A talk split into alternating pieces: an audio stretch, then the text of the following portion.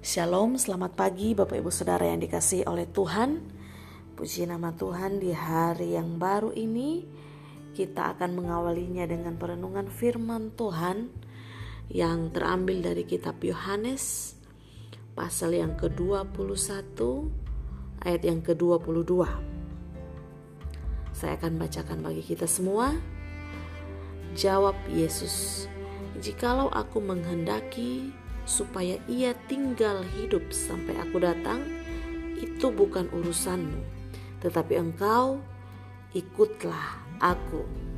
Ya, tema kita di pagi hari ini Bapak Ibu Saudara adalah siapa yang Anda lihat, ya.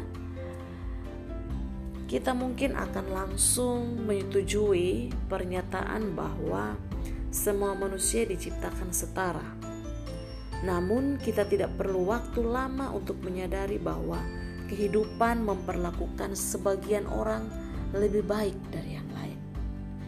Kita juga harus belajar menerima hal ini tanpa merasa marah.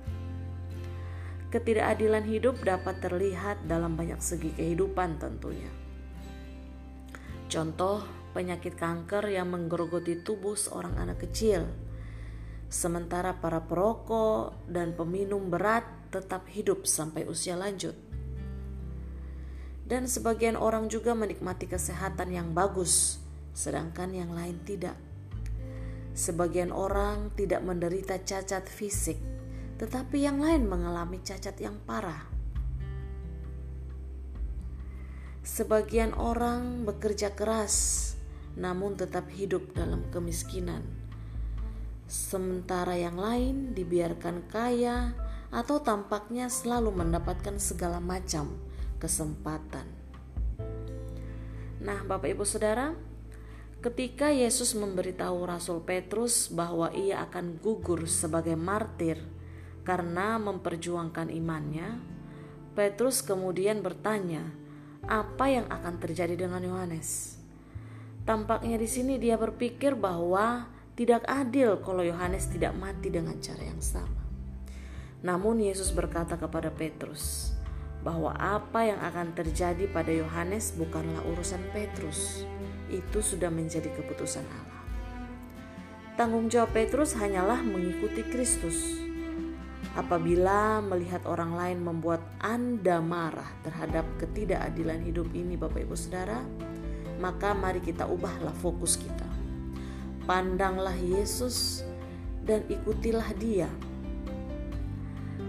Karena ketidakadilan hidup hanya bersifat sementara. Keadilan yang sempurna akan kita nikmati selamanya di dalam surga. Maka, marilah Bapak Ibu Saudara, dalam menjalani kehidupan kita yang sementara di bumi ini, mari kita ubah cara pandang kita.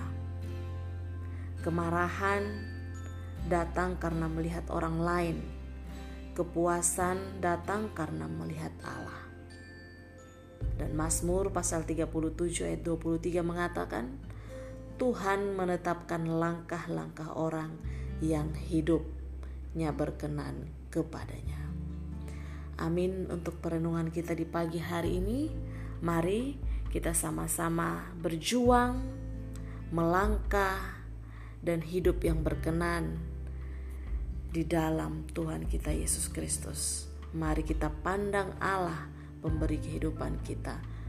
Kita belajar menerima tanpa merasa marah. Tuhan Yesus memberkati kita semua. Amin.